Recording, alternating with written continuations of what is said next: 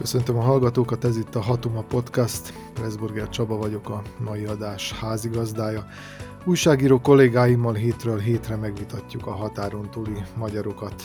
érintő, befolyásoló aktuális eseményeket, de természetesen nem csak a határon túli magyaroknak készítjük ezt a műsort.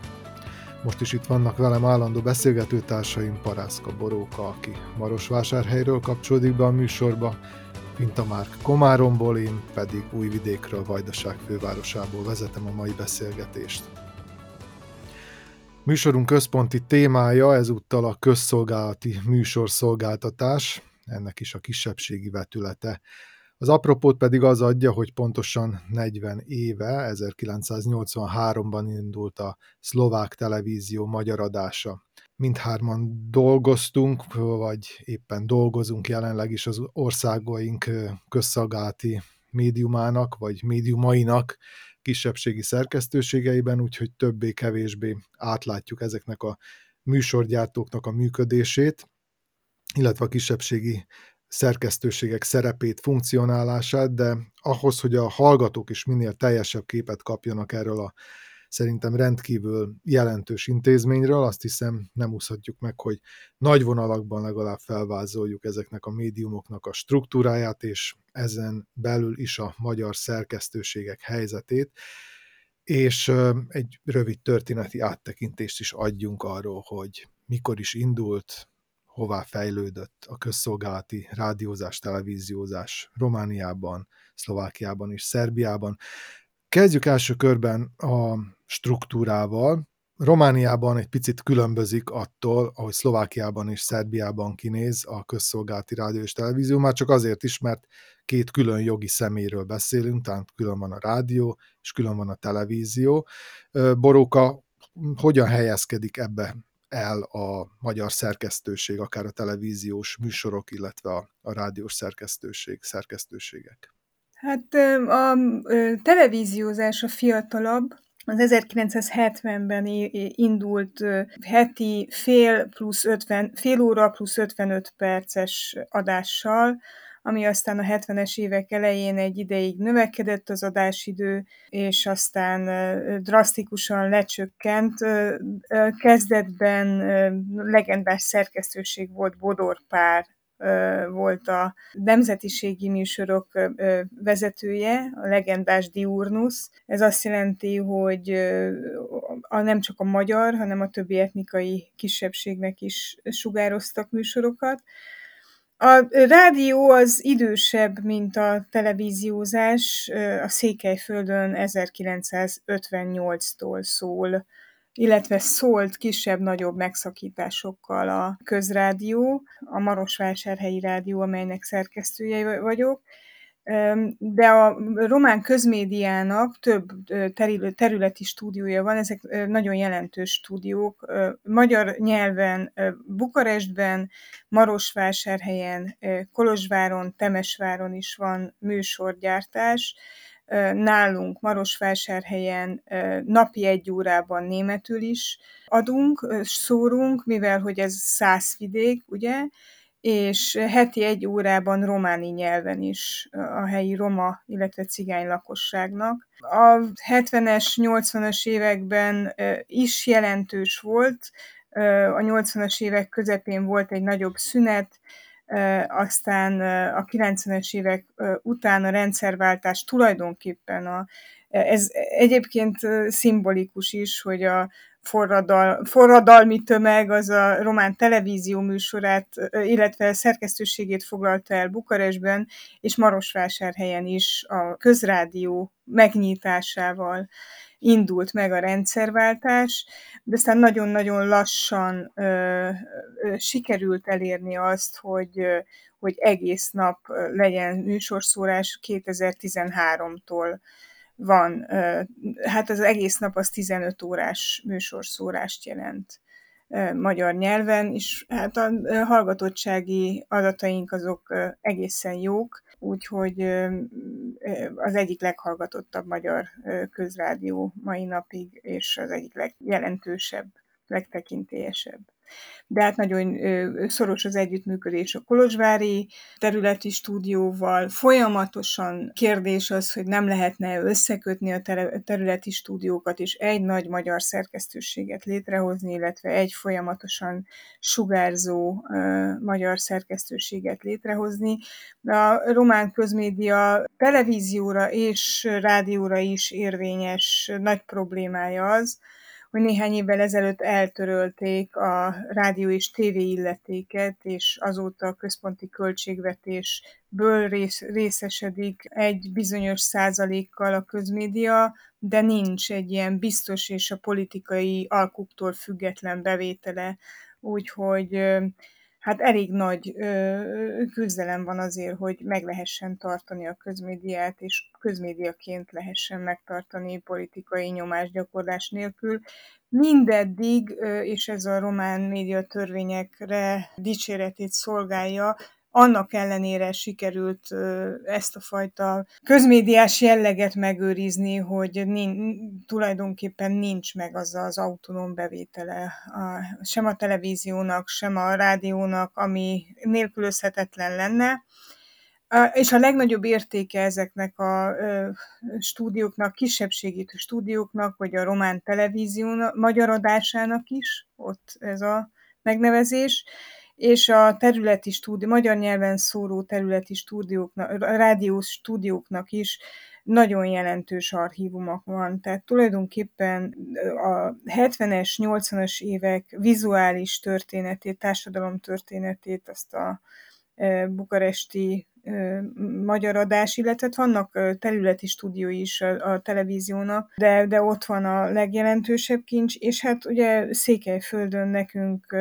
immár az 50-es évekre visszamenőleg van egy olyan hangtárunk, amiből kirakható az erdélyi magyar társadalom történet elmúlt több mint fél évszázada. Érdekes, amit mondtál a rendszerváltással kapcsolatban, mert hát ez tényleg azt jelzi, hogy a közszolgálati rádiónak, televíziónak fontos szerep jut, hogyha a forradalmárok első dolga, hogy átvegyék a médiában, mármint a közszolgálati médiában az uralmat, és nem volt ez másként Szerbiában sem 2000. október 5-én, amikor megdöntötték a Milosevic rezsimet, akkor is a Belgrádban székelő szerbiai rádió és televízió volt az első hely, ahová a forradalmárok betörtek, és először onnan lehetett tudni, hogy valami történik, hogy komoly zene szólt hosszú percekig, vagy talán órákig is, és akkor utána egyszer csak megjelent a, a, az államfőjelölt, az ellenzék államfőjelöltje, és egy ilyen nagyon hosszú nyakkendő lógott a,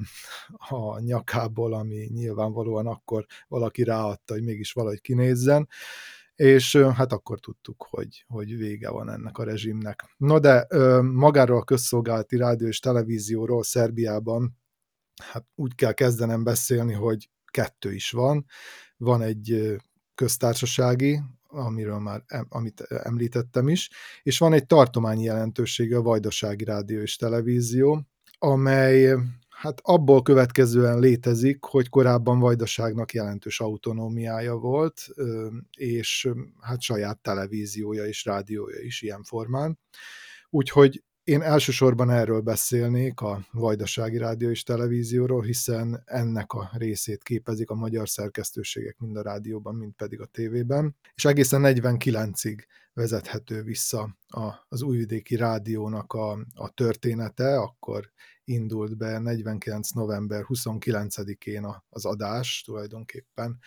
és hát szintén egy szimbolikus dátumon, november 29-e a Jugoszláv Szocialista Szövetségi Köztársaságnak a, a napja volt, tehát ezen a napon indult, úgyhogy mind a mai napig gyakorlatilag a Vajdasági Rádió és Televízió, mely ugye azóta már televízióval is kibővült, ezt a napot ünnepli, tehát megünnepelhetjük a köztársaság napját is egyúttal. A magyar rádiózás az, az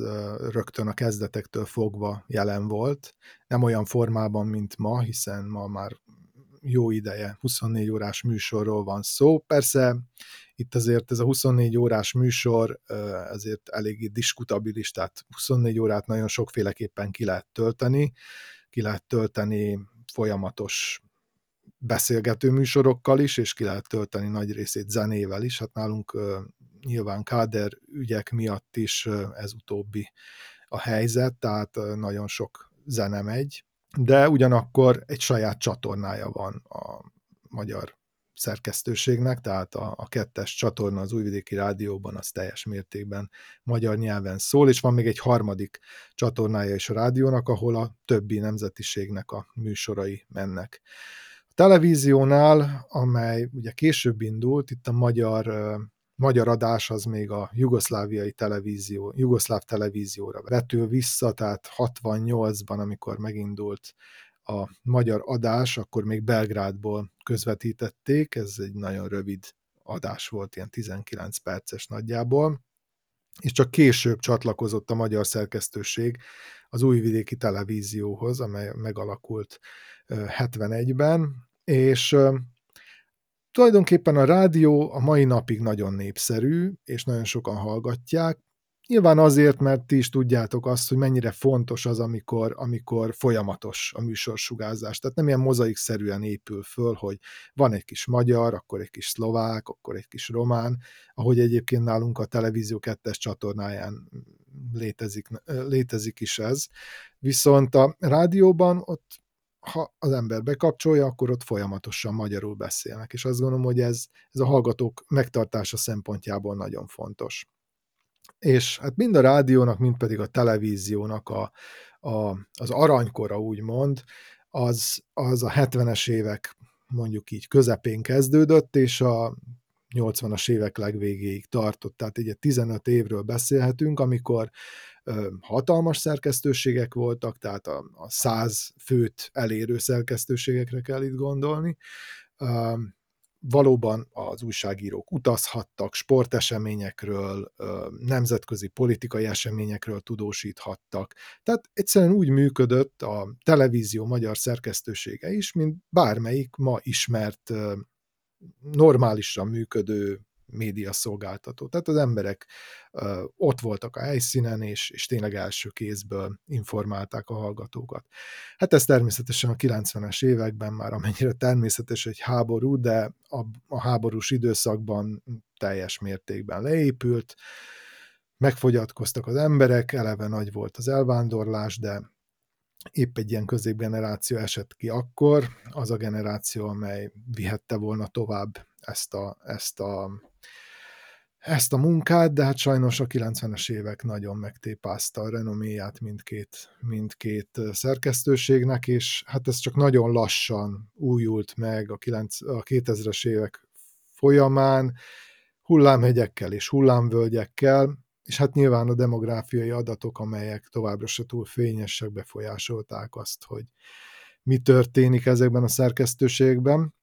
Hát most mi összevontuk a szerkesztőségek strukturális ismertetését és a történeti ismertetését is, úgyhogy Márkot is arra kérem, hogy akkor ezt a kettőt a szlovákiai rádió, a szlovák rádió és televízió kapcsán is vonja össze, és hát az ünnepeltről is ejtsünk néhány szót. Nálunk ugye jelen pillanatban egy nagy RTVS létezik, egy közös összevont szlovák rádió és televízió, ez ugye 2012 óta van így, előtte a szlovák rádió és a szlovák televízió az külön működött, de a magyar adások azok szintén ilyen párhuzamos pályákat futottak be. Így a rádió volt a, az első, a, a magyar tévéadás az viszonylag későn jelent meg, de hát már annak is ugye 40 éve, őket ünnepeljük most tulajdonképpen, de ugye a rádióadás az 1928 óta működik valamilyen formában. Ez a rádió aranykora volt annak idején a 20. század első felében, és az legfontosabb médium volt akkoriban, tehát nagyon jó és pozitív dolog szerintem az, hogy az akkori Csehszlovákiában gondoltak arra, hogy legyen igazából magyar, magyar adás is. Viszont aztán az elkövetkező évtizedekben ez, a, ez az adás ez bizonyos szempontból mindig egy kicsit ilyen, hogy is mondjam, zabi gyerekként működött, tehát nem volt folyamat rádiózás például, hanem különböző időszegmensekben volt, voltak magyar nyelvű műsorok, illetve magyar, magyarul sugárzott a rádió. Ez 1992-ben változott meg viszonylag későn, amikor aztán már átállt a rádió is a napi folyamat sugárzásra, és 2008-ban volt az, amikor az akkor a 8 órás adást kibővítettek 12-re, és akkortól beszélhetünk tulajdonképpen egy olyan, olyan rádiótól, rádióról, amit most a Pátria rádióként ismerünk, hogy napi 12 órában sugároz, és gyakorlatilag teljes szervezettséggel működik. Viszont ugye nemzeti adások közül mindig a magyar volt a, a legnagyobb szerkesztőséggel bíró, és a legjobb szervezettségű tekintve, hogy a magyar kisebbség az a legnagyobb Szlovákiában, de ezen kívül ugye a nemzetiségi adások vannak más nyelveken is, tehát van ruszin, van roma, van ukrán, és a többi, tehát itt azért az egy kicsit, kicsit tagoltabb. És hát ugye a televízió, illetve a televíziós sugárzás, hát ez még mindig nem úgy működik, mint ahogy mondjuk a Pátria Rádió működne, tehát, vagy működik. Ugye van egy nemzetiségi tévészerkesztőség, egy magyar tévészerkesztőség, amely műsorokat gyárt, és naponta van egy, egy bizonyos tere a szlovák közszolgálati televízióban, de olyan, hogy teljes szervezettségű magyar közszolgálati csatorna, olyan nincs és nem is létezett soha Szlovákiában, ami nekem egy kicsit szívfájdalmam, de tudom, hogy, hogy ez ilyen szempontból mennyire bonyolult. Egyébként simán létezhetne is, hiszen ugye a szlovákiai magyarok, a népesség nagyjából 7,5-10%-át teszik ki, de ez, ebbe beleszámolom nyilván azokat is, akik szlovák nemzetiségűként határozzák meg magukat, de magyarul is beszélnek, vagy magyar gyökereik is vannak, és lehetne kötődésük ugye egy, egy magyar csatornához. De hát ugye a másik dolog meg az, hogy, hogy ennek igazából a szlovák televízióban olyan nagyon-nagyon komoly tere szerintem sosem volt. És hát igen, egy nagyon-nagyon fontos intézményről van alapvetően szerintem szó, még úgy is, hogy tulajdonképpen két párhuzamos pályán fut, de azért ugye vannak olyan kötődések, illetve kapcsolódási pontok, amelyek azért összekötik ennek a két szerkesztőségnek a létezését és az életét. Ugye egy szervezeti egység alá tartoznak jelen pillanatban az RTVS-ben, a nemzetiségi adásoknak a szervezeti egysége alá gyakorlatilag. És hát a Pátria igazgatója Lovász Attila ugye általában, amikor keresem őt az irodájában, akkor vagy éppen kim van a tévében, vagy, vagy éppen oda igyekszik, úgyhogy ez egy ilyen nagy szaladgálós része az ő életének. És hát alapvetően a fontosság, hát igen, ez, ez, egy, ez egy elég aszimmetrikus dolog sajnos, mert a rádióadás a szlovákiai magyarság életében mindenképpen fontosabb, nagyobb, nagyobb is az elérése, és látszik az, hogyha tényleg beleteszik a figyelmet, a lehetőségeket és a teret arra, hogy valaki kreatív legyen és profilozni tudja a rádiót, akkor annak tényleg lehet adni egy olyan arculatot, amiből aztán egyfajta komoly márka lesz a, a, a piacon, illetve a kisebbségnek, illetve a nemzetiségnek az életében. A tévével ez valahogy soha nem történt meg úgy igazán. Tehát nem, volt, nem voltak olyan lehetőségei a nemzetiségi tévéadásnak, és nem voltak olyan, nem volt olyan műsorideje, és hát a másik dolog meg az, hogy nyilván a tévézés az egy jóval drágább műfaj, tehát hogyha ebbe kezdtek volna bele investálni, akkor az, az nagyon sok pénzt elvitt volna, viszont ott nagyobb is a verseny és a konkurencia. Tehát nem biztos, hogy egy, hogy is mondjam, eredményes projekt lett volna. Úgyhogy jelen pillanatban úgy állunk, ahogy, hogy úgy áll ez a, ez a nemzetiségi műsorszórás, illetve nemzetiségi műsorkészítés közszolgálati, ahogy. És hát nagyon kíváncsi vagyok, hogy mi fog történni a következő időszakokban, ugyanis két nagyon fontos dolog van, illetve három. Az egyik az, hogy nálunk is eltörölték ugye az üzemben tartási díjat, és most már szintén az állami költségvetésből finanszírozzák a közszolgálati, közszolgálati médiát, és ezzel összefügg a másik dolog az, hogy Ficóék most, hogy konszolidálni akarják a, a, az állami költségvetést, illetve ugye a, próbálják kezelni valahogy azt a hiányt, ami jelen pillanatban van az országban. Nagy valószínűséggel megvágják a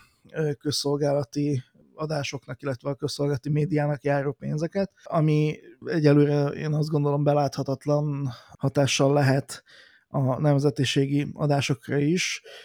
Ugye ezt a kieső pénzt több, több, több 10 millió euróról van szó, ezt reklámbevételekkel akarják kompenzálni, tehát ez a terv, de hát ez egy nagyon ingatag lábakon álló valami. És hát van ugye a harmadik dolog, ami talán a, a legfontosabb ebben az egészben, hogy a kormányprogramba bekerült az, hogy szét akarják választani az RTS-t szlovák rádióra és egy szlovák televízióra, és hát ez azzal is járna, hogy ezt a szervezeti egységet, ami alá tartozik tulajdonképpen a magyar rádió és a magyar tévéadás, ezt is ketté, ketté szakítaná, és hát ez is egy fonák helyzet, mert, való, mert a, a nagyobb szervezeti egység, ami a közmédia ketté választásakor keletkezne, az ugye nyilvánvalóan szlovák televízió lenne, ahova, ami fontosabb is a politika számára, hogyha rá akar telepedni, és hát ez azzal járna, hogy nyilvánvalóan ide kerülne egy csomó olyan dolog, ami tulajdonképpen előre viszi, vagy könnyebben fejleszthetővé teszi a szlovák televíziót, valószínűleg ide kerülnek a források, meg egy csomó minden. Viszont ebben a struktúrában a szlovák televízióban a magyar adásnak nagy valószínűséggel csak a lista utolsó helyeinek egyikén lenne hely, és ide nem kerülne valószínűleg több pénz szerintem.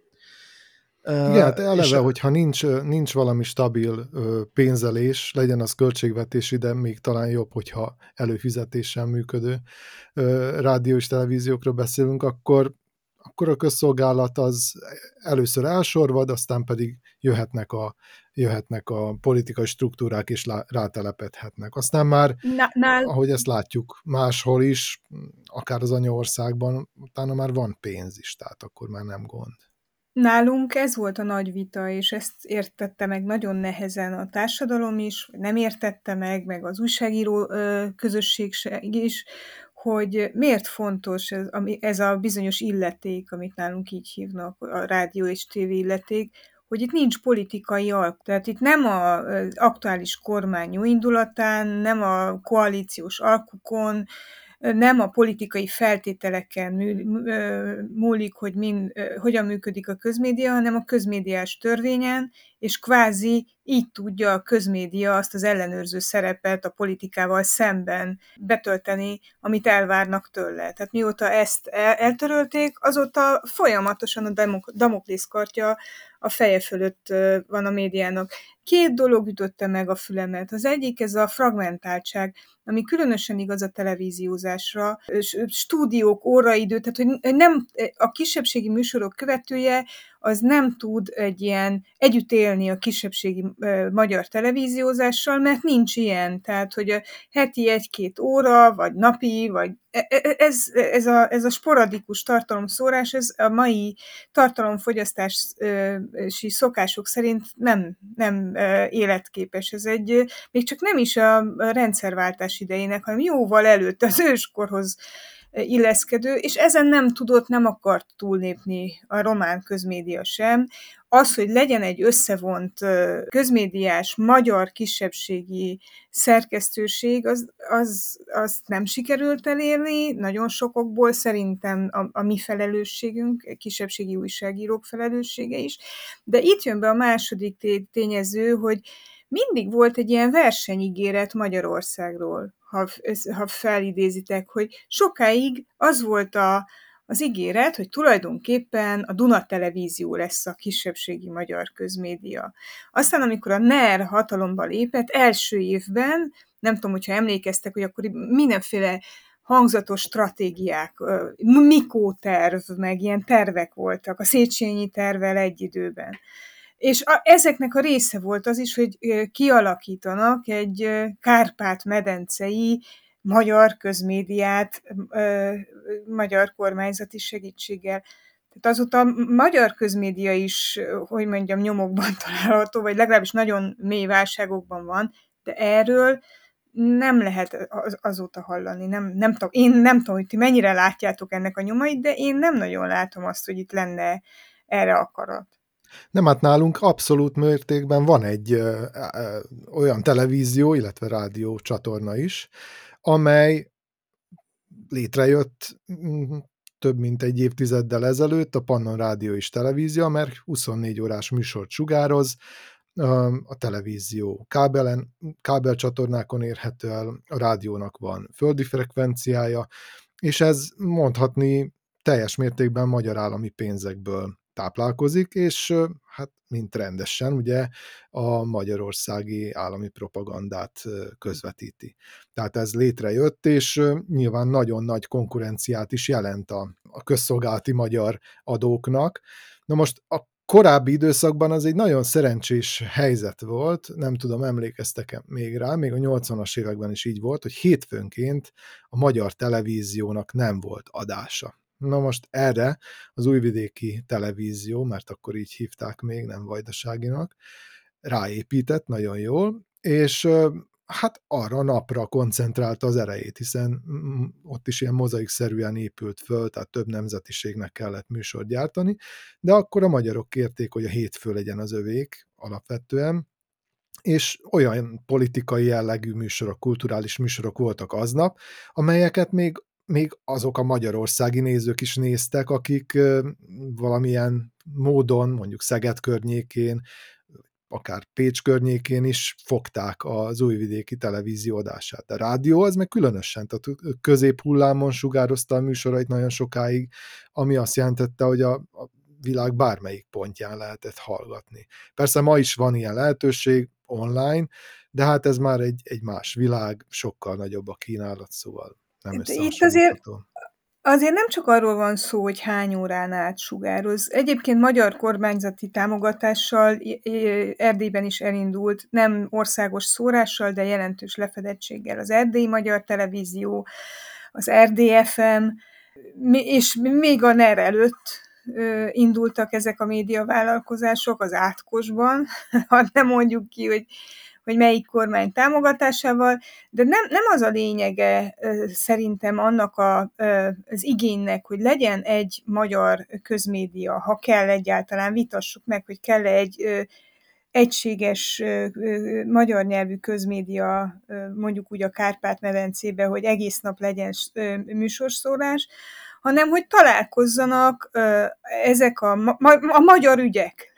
a magyar közösségek ügyei. Tehát úgy, ahogy ez, ez például nagyon gáláns és nagyon fontos gesztus a Pátria Rádió részéről, hogy mi hetente egyszer leülünk és beszélünk egymással. De ha lenne egy szerkesztőség, ahol tartalomtervet készítenek, a, lenne egy, tényleg egy tudósítói hálózat. Eltelt 33 év a rendszerváltás óta, egyik nemzeti bakarat a másik után bukkant fel, és azt, hogy tényleg legyen egy olyan tudósítói hálózat, hogy Zentától, mit tudom én, Gyimes középlokig, és Bodzafordulótól, nem tudom, Pozsonyig, mindenhol lehessen megmozgatni egy embert, lehessen oda küldeni, lehessen kérdést feltenni, hogy ne álljunk és gondolkozzunk azon, hogy hogy lehet, hogy a, a szlovák közintézményekből kitakarítják most a legfontosabb intéz, magyar intézményvezetőket, és nem jut el erről hír a magyar médiafogyasztóhoz, pedig hát ez azért nem csak Szlovákiában érint sokakat, ezek a folyamatok mindannyiunkat érintenek, tehát Ezekről kéne tudni, de nem sikerült ezt megszervezni. Én még egy picit visszatérek ahhoz, amit Csaba mondott. Igen, nálunk is úgy indult egyébként a magyar adás, hogy odafigyeltek arra, hogy a magyar televízió hétfőnként nem sugároz, úgyhogy a, a magyar televíziós adás is hétfőre volt ütemezve, és ennek tehát egészen máshogy nézett ki, mint most, tehát általában központilag szerkesztett hírek hangzottak el, úgy hírösszefoglalók, amik a, a szlovák nyelvű közmédiában is elhangzottak magyar fordításban. Készített a Gasparik Maja kollégám egy kiváló műsor Bárdas Ágnessel, és Pék Zoltánnal, akik ott voltak a televíziós adásnak a születésénél, azt ajánlom a hallgatóknak, hogy a Pátria honlapján hallgassák esetleg vissza, tényleg nagyon érdekes és tanulságos. De fel, fel kell hívnom a figyelmeteket arra, ebben az egész gondolkodásban szerintem ez egy nagyon-nagyon fontos pont, hogy a teljes média megváltozott azok alatt, az évek alatt, amikor a nemzetiségi közszolgálati adásoknak még valamiféle jelentősége volt. És nekem az a, az, az érzésem, hogy ezeket a trendeket a közszolgálati adások egyszerűen nem követték, vagy nem is követhették le. Egyrészt a struktúrájukból adódóan, a témáikból kifolyólag, másrészt azért, mert folyamatos versenyhátrányban vannak. Tehát nagyon érdekes, hogy a 80-as években az a nagyon kevéske magyar televíziós vagy rádiós sugárzás is nagyon sokat jelentett a hallgatóknak, meg a nézőknek, pont azért, mert egyrészt ez egy nagyon-nagyon szűk tér volt, és egyszerűen nem lehetett más, tehát nem, nem volt más, amit ők nézhettek, nem volt internet, nem, nem voltak kereskedelmi médiák, nem volt egy csomó minden más, ami most abszolút leköti a figyelmünket, sőt, kialakult egy ilyen szó is, hogy figyelemgazdaság, Hát jelen pillanatban most már, tehát a 90-es évek nyitása után és a 2000-es, 2010-es évek digitális forradalma után a figyelemgazdaság a minden a médiában. Az abszolút, abszolút középpont. És egyrészt a, a közszolgálati média ezt nem követhette le, mert meghatározott feladatai voltak, nem bulvárosodhatott, törvények szabályozták a működését, nagyon-nagyon sok minden volt, ami gátja volt annak, hogy, hogy tudja tartani a tempót, vagy az ütemet a rengeteg pénzből működő kereskedelmi médiával. Másrészt olyan specifikus témákkal dolgozik, amelyek egyszerűen nem érdekelnek mindenkit. Tehát nem csak azért problémás az, hogy hogy nem tudom, Zentán is tudják, hogy, hogy a szlovák kisebbségi kormány biztost elküldték a pozíciójából. Ez, ez valószínűleg nem fogja érdekelni a Zentán médiát fogyasztó embereket, vagy csak egy nagyon-nagyon pici részüket, és ennek a finanszírozása a figyelemgazdaság kellős közepében nagyon-nagyon problémás lenne. Tehát ebből a gondolatmenetből kiindulva én nagyon-nagyon kevéssé látom reálisnak azt, hogy, hogy legyen egy ilyen összmagyar, vagy kárpát-medencei magyar közszolgálati médiastruktúra, egész egyszerűen azért, mert, mert egészen mások már a, a, a hallgatói, meg a nézői igények, és ezek, ezek az igények, ezek egész más dimenzióban vannak, mint ami a közszolgálati média feladata lenne, azt gondolom. Tehát, Igen, sokkal inkább a, a lokális válik nagyon fontossá, tehát akár egy helyi települési médium fogyasztása sokszor ö, még hallgatottság szempontjából is eléri azt, amit mondjuk egy közszolgálati, amely megpróbál egy kicsit nagyobb kitekintéssel dolgozni. Ugyanakkor viszont ez a ö, teljes világra kiterjedő globális média másik véglet, ami, ami szintén népszerűbb, és valahol a kettő között, ahová mondjuk tartozna egy ilyen mondjuk összkárpát nemzeti médium, ez így, így valahogy elsikkad, vagy, vagy kevéssé érdekli az embereket, valahogy, valahogy ez az érzésem, de azt szeretném még... Igen? Mondj. Vitatkoznék veletek ezzel kapcsolatban, mert azért ne felejtsétek el, hogy a magyar médiafogyasztó vagy nem kapott esélyt arra, hogy megszokja, hogy mi a közmédia, mert kisebbségben élt, és nem volt a heti fél óra, egy óra, heti három óra, az nem média, ezt megbeszéltük. Vagy pedig volt neki közmédiája Magyarországon, de az elvesztette közmédia jellegét is. És ez nem tegnap, vagy nem tavaly kezdődött, ez most már egy évtizedes történet ilyen körülmények között nyilván, hogy az emberek nem tudják, hogy mit várhatnak, vagy ne, nem is szoknak rá műfajokra. De azt nem tudjuk mondani, hogy hogy ne, ne lenne érdeklődés egy jól megcsinált interjúra, egy, egy alapos riportra, egy beszámolóra. Nem tudjuk, de látjuk, hogy, hogy azért a pótlására történnek kísérletek számomra, és szerintem az egész kisebbségi közmédia számára tanulságos az, amit a Partizán csinál. Ugye a Partizánnak az alapvető ötlete az, hogy valamilyen módon pótolja a magyar közmédiát És ez részben sikerül, részben meg nem sikerül, mert éppen az az infrastruktúra, a közmédia lényege az, hogy hálózat. Nagyon sok tudósító, nagyon sok stúdió, egy átfogó szerkesztőség és egy, egy média szabályozás szerint megfogalmazott koncepció. Ezt ilyen uh, ilyen sporadikusan, hogy akkor be, egy-egy témát körbejárunk, még egy kicsit a nézettségkedvéért kompromisszumot kötünk a bulvár témákkal is, vagy hangvételben, címadásban, stb. Ezt nagyon nehezen lehet csinálni. De hogy, hogy a Gulyás Márton érzi azt, hogy a, a kisebbségi közmédia hiányzik, és ezt valahogy pótolni kéne, én ezt látom a Partizán tartalomszolgáltatásán. Tehát amikor interjút közöl a Markó Bélával, vagy interjút közöl a Marosvásárhelyi Nemzeti Színház volt igazgatójával, Gáspári Katillával, akinek a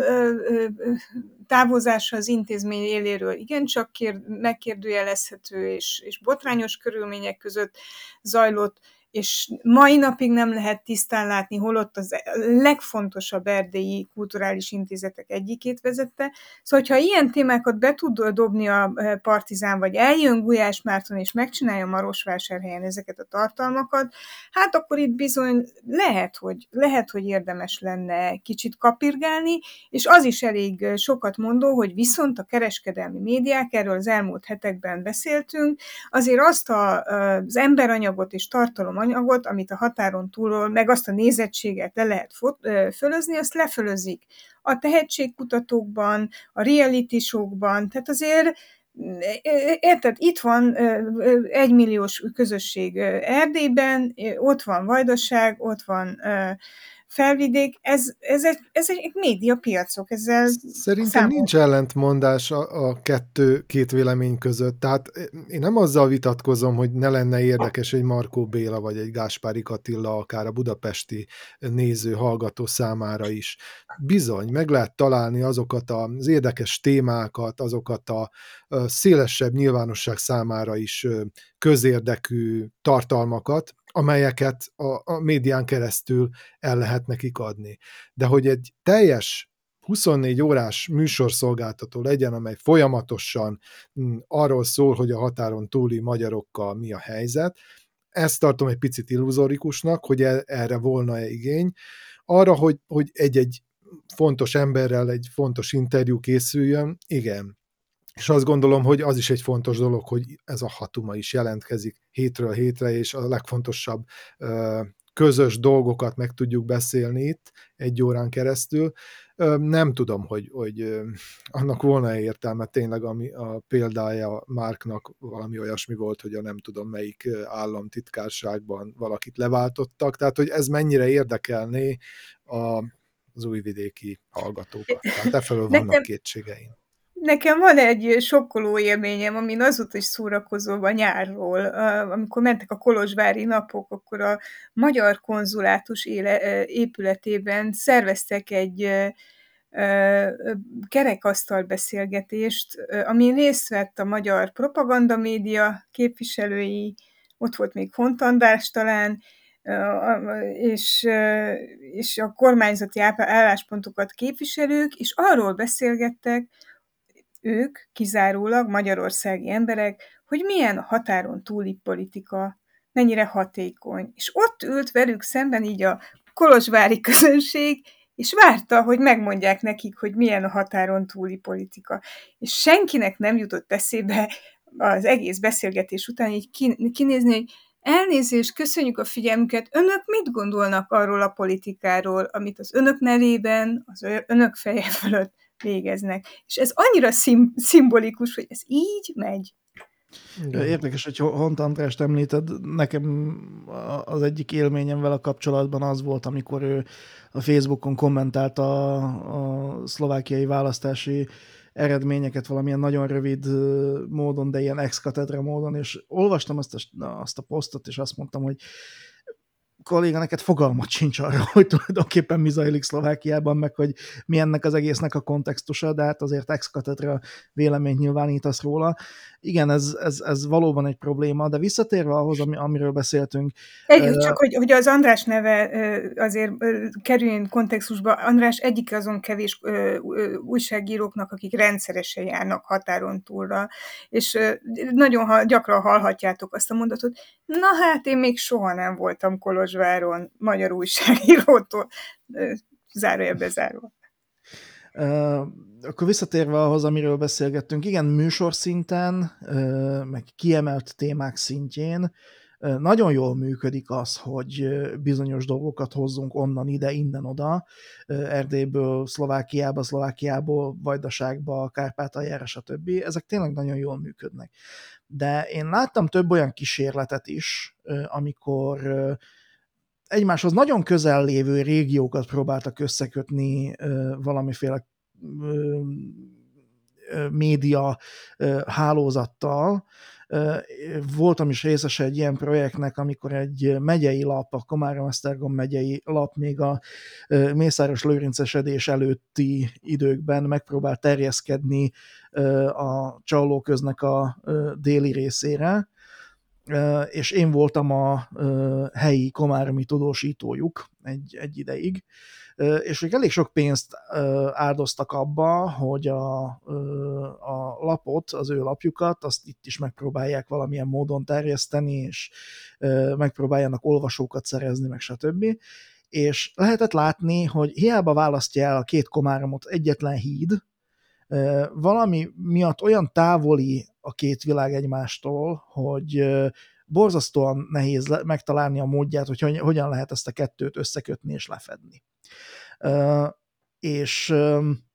Hát kudarcba is fulladt a kísérlet, aztán már nem akartak ide terjeszkedni nagyon sok elköltött pénz után, de megmarad bennem egy történet, amikor én nagy rajongással írtam egy helyi északkomáromi témáról, a poliklinika épületének a felújítási terveiről, fényképekkel, meg mit tudom, meg micsoda, ami Komáromban egy nagyon fontos téma volt, mert hát ott áll a város főterén, és meglehetősen csúnyán virít ott, és írtam erről egy, egy hosszú cikket, leadtam, és a, azóta már köz, eltávozott közölünk a Palásti kolléga írt nekem egy e-mailt, és azt mondta, hogy Márk, ne írjál ilyen hosszú cikkeket ezekről, mert az a kutyát nem érdekli a másik oldalon. A kutyát nem érdekli. És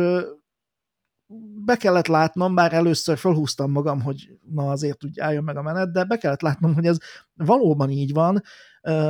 Tényleg nagyon még tényleg a mikrorégiókban is nagyon-nagyon távoli világok vannak egymástól. Az új szó is próbálkozik egyébként az egyetlen szlovákiai magyar napilap azzal, hogy Győr környékén terjeszkedjen. Van egy mutációja is ezzel kapcsolatban.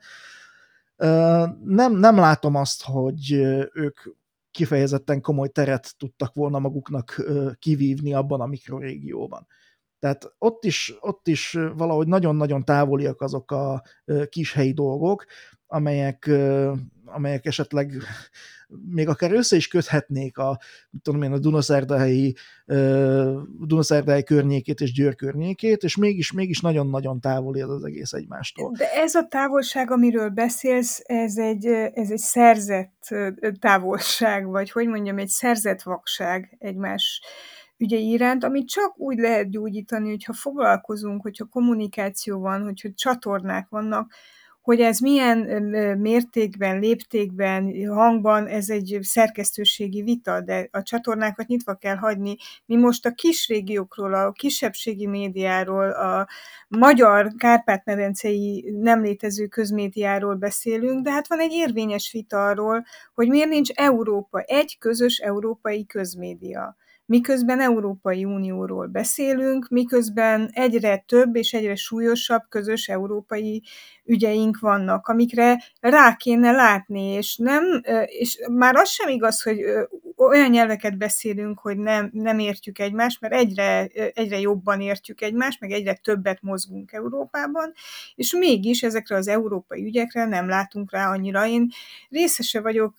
most már második éve egy ilyen európai kezdeményezésnek, ahol hetente egyszer leülnek szerkesztők, és nem, hogy mondjam, hétköznapi ügyeket, hogy mit tudom én, milyen a fűtés nálatok, vagy milyen most a legutóbbi téma, amit megbeszéltünk, ez az eutanáziához való viszony a magyarországi Karsai Dániel esetéhez kapcsolódóan, és elképesztő európai történetek jönnek elő, és az is elképesztő, ahogy ezeket egymás mellé rendezed, hogyan alakul át a percepciója egy olyan ügynek, amiről nem gondolnád azt, hogy ez közös ügy, hanem azt gondolnád, hogy ez egy nagyon helyi történet, amit, ahogy mondod, a komáromi esetben nem, a kutyát nem érdekel, de érdekli, csak meg kell keresni hozzá a szempontokat, meg a közös... Igen, szórványosan biztos, tehát ezt szerintem nem vitatjuk, csak hogyha ez egy rendszeressé válna, tehát hogyha olyasmiket összeboronálni, amik nem tartoznak össze, lehet, de azt gondolom ez nem e, első körben a médiának a feladata, mert a média megpróbál egy ilyen mesterséges konglomerátumot kialakítani, olyan helyzetben, hogy arra a, az adott régió, vagy ország, vagy országok kultúrája, oktatása előtte nem épült rá, és nem végezte el a, a talajlazító munkálatokat, akkor, akkor, akkor egyszerűen most nem akarok további metaforákat mondani a milyen magról, ami hová hullik, de, de a média egyszerűen ebben a e, ilyen kemény talajra hiába hullajtja a magjait. Tehát én, én ezt, ezt láttam, én is voltam része olyan médiaprojektnek, amely megpróbálta összeboronálni Dél-Magyarország, Észak-Szerbia és a Bánság egy részének a területeit, és akkor, hogy ebből valami kisüljön, de amint vége lett a projekt finanszírozásának, az egész hanvába volt. Szóval nem, nem folytatódott semmilyen formában, és, és, és botrányos, hogy a, valóságunk az, hogy, hogy egyszerűen zsombolyába nem tudok átjutni Nagy Kikindáról vonattal, pedig nagyon közel van a két hely is egymáshoz, vonatkotti őket össze, és, és, és olyan vicces módon lehet csak eljutni, hogy fél napba telik az embernek, hogyha nem saját autóval megy. És hogyha ezek a kapcsolatok nincsenek meg, tényleg szomszédos települések között, akkor mi itt a médiával próbálkozhatunk, de, de egyszerűen amíg az emberek egymással nincsenek napi kapcsolatban, amíg tényleg nincsenek meg ezek a szoros kötelékek, mert lehet, hogy ezek egyszer mesterségesen megszakítottak, de nagyon sok év eltelt azóta, új generációk nőttek föl, és már nem érzik a közelséget. Engedj meg egy mondatot a Marosvásárhelyi Rádióról. Mi egy olyan adáskörzetben szórunk, Székelyföldön, magashegyi vidék, nagyon sok ember él, izolált településeken, földrajzilag nehezen megközelíthető településeken. És tényleg ez a rádió köti őket össze, és e, ez ad egy olyan közösségi szellemet, igen, kellett hozzá fél évszázad, hogy tényleg tudjon egymásról Balánbánya és Székelyudvarhely, és tudnak egymásról, de hát ehhez kell egy kommunikációs csatorna, és kell igényt, annyit beszélünk a nemzeti együttműködésről, meg nemzeti közösségről, meg nem tudom, minden nemzetről, de hát ha nincs kommunikáció, akkor semmiféle közösség nincs. És a másik kommunikáció, amiről még nem esett szó, az, az épp a többség és a kisebbség közötti kommunikáció, hiszen ugye közszolgálati médiumokról beszélünk, és arról még nem beszéltünk, hogy hogyan illeszkedik be a magyar szerkesztőség ebbe a több nemzetiségű konglomerátum, vagy több nyelvű konglomerátumba, ami a szlovákiai, románia, illetve a vajdasági rádió és televízió. Nálunk tíz nyelv van, tehát azt hiszem ezt nem fogjátok tudni überelni, de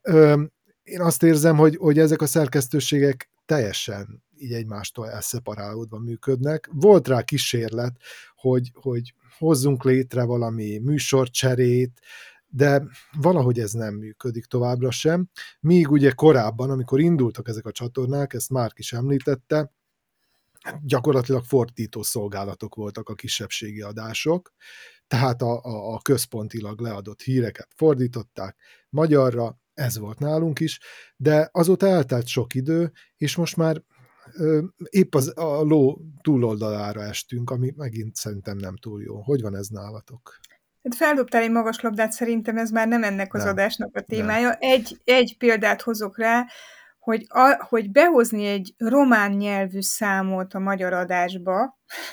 már az is egy kihívás a magyar nyelvű csatornán. Tehát egy, egy akármilyen népszerű dalt.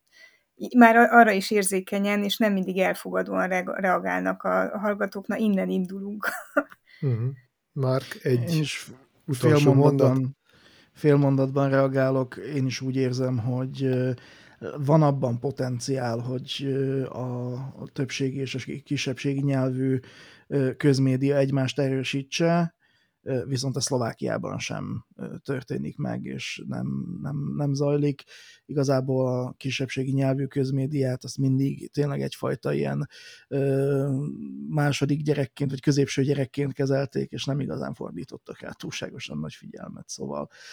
ez egy, ez egy olyan probléma, amin érdemes lenne túllendülni, de Szlovákiában nem látom lehetőségét annak, hogy ez a közeljövőben esetleg megtörténne. Hát igen, erről is beszélhetnénk még egy nagyon sokat, hogy mennyire kirakatba tett kalapdísz a magyar szerkesztőség ezeken a médiumokon belül, vagy mennyire van valóban fontos szerepük, de azt gondolom, hogy innen tudnánk majd folytatni akár a következő műsorban, akár valamikor máskor. Most ebben a műsorban ennyi fért, úgyhogy megköszönöm kedves hallgatóknak, hogy ezúttal is velünk tartottak. Ezt a műsort és a korábbiakat úgy szintén visszahallgathatják a Pátria Rádió podcast csatornáján, valamint a Hatum a saját podcast csatornáján is, amelyre feliratkozhatnak a Spotify-on, de akár más podcast alkalmazásokon is így minden újonnan felkerülő adásunkról értesítést is kapnak. Megtalálhatnak bennünket a Facebookon, és arra kérjük Önöket lájkoljanak, vagy kövessenek bennünket, és szóljanak hozzá a témáinkhoz. Pinta Márk és Parászka Boróka nevében búcsúzik Önöktől Pressburger Csaba, a viszont hallása egy hét